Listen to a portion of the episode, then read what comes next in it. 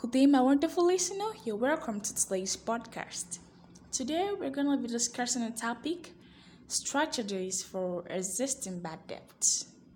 So, we're going to be talking about um, ways and um, um, strategies to resist bad debts, to eradicate bad debts.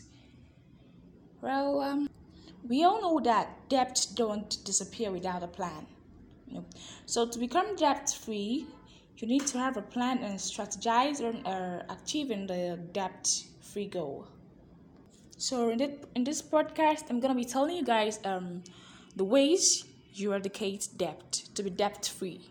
So you have to do me a favor of listening very uh, attentively, so you get some of the steps I need to tell you, teach you.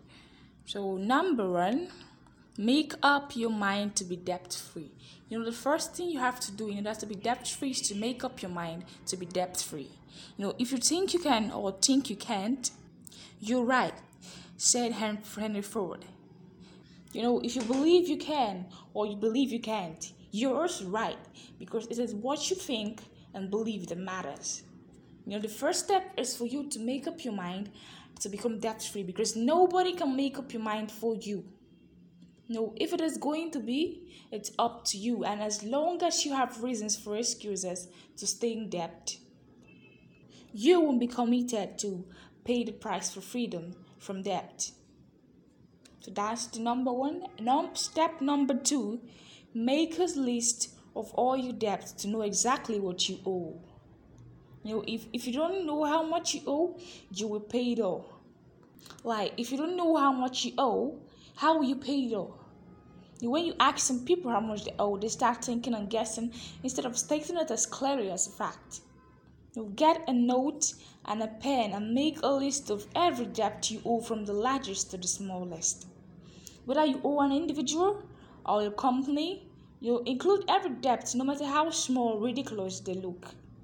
Now, the process of writing it down and act of seeing it clearly on a paper is in one clear view and has a way of bringing you to reality. That's step number two. Step number three is um, close the door on bad debts immediately. You know, things are actually bad and they're already bad, and you don't uh, want make it worse. You know, once you've made up your mind to be debt free and have a list of all your debts, then you stop going deeper into debt. You the list should not be increasing at this stage but decreasing.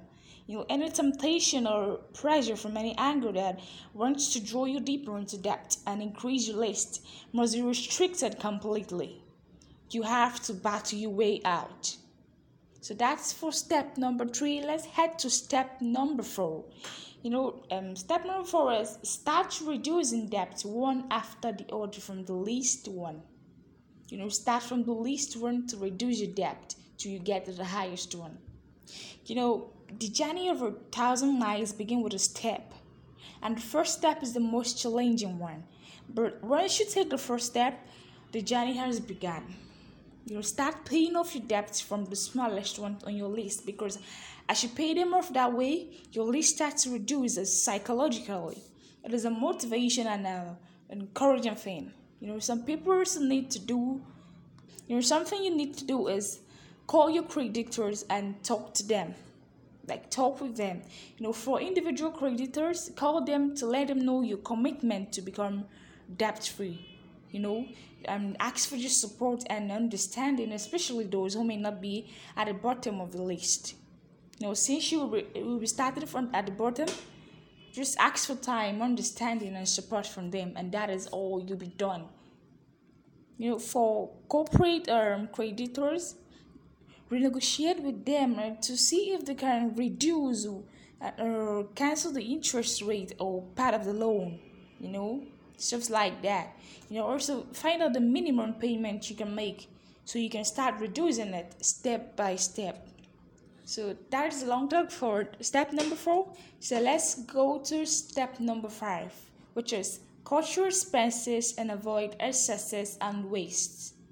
You now that you have started the journey to debt cancellation, you need to really cut your expenses to free up more money towards the debt-free goal.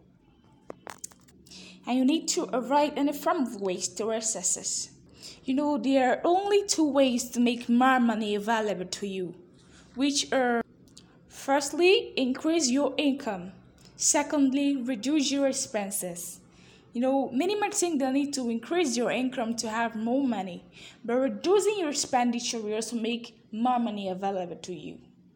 Well, I hope you understood certain things in this podcast. Um, thank you for listening and stay tuned for more.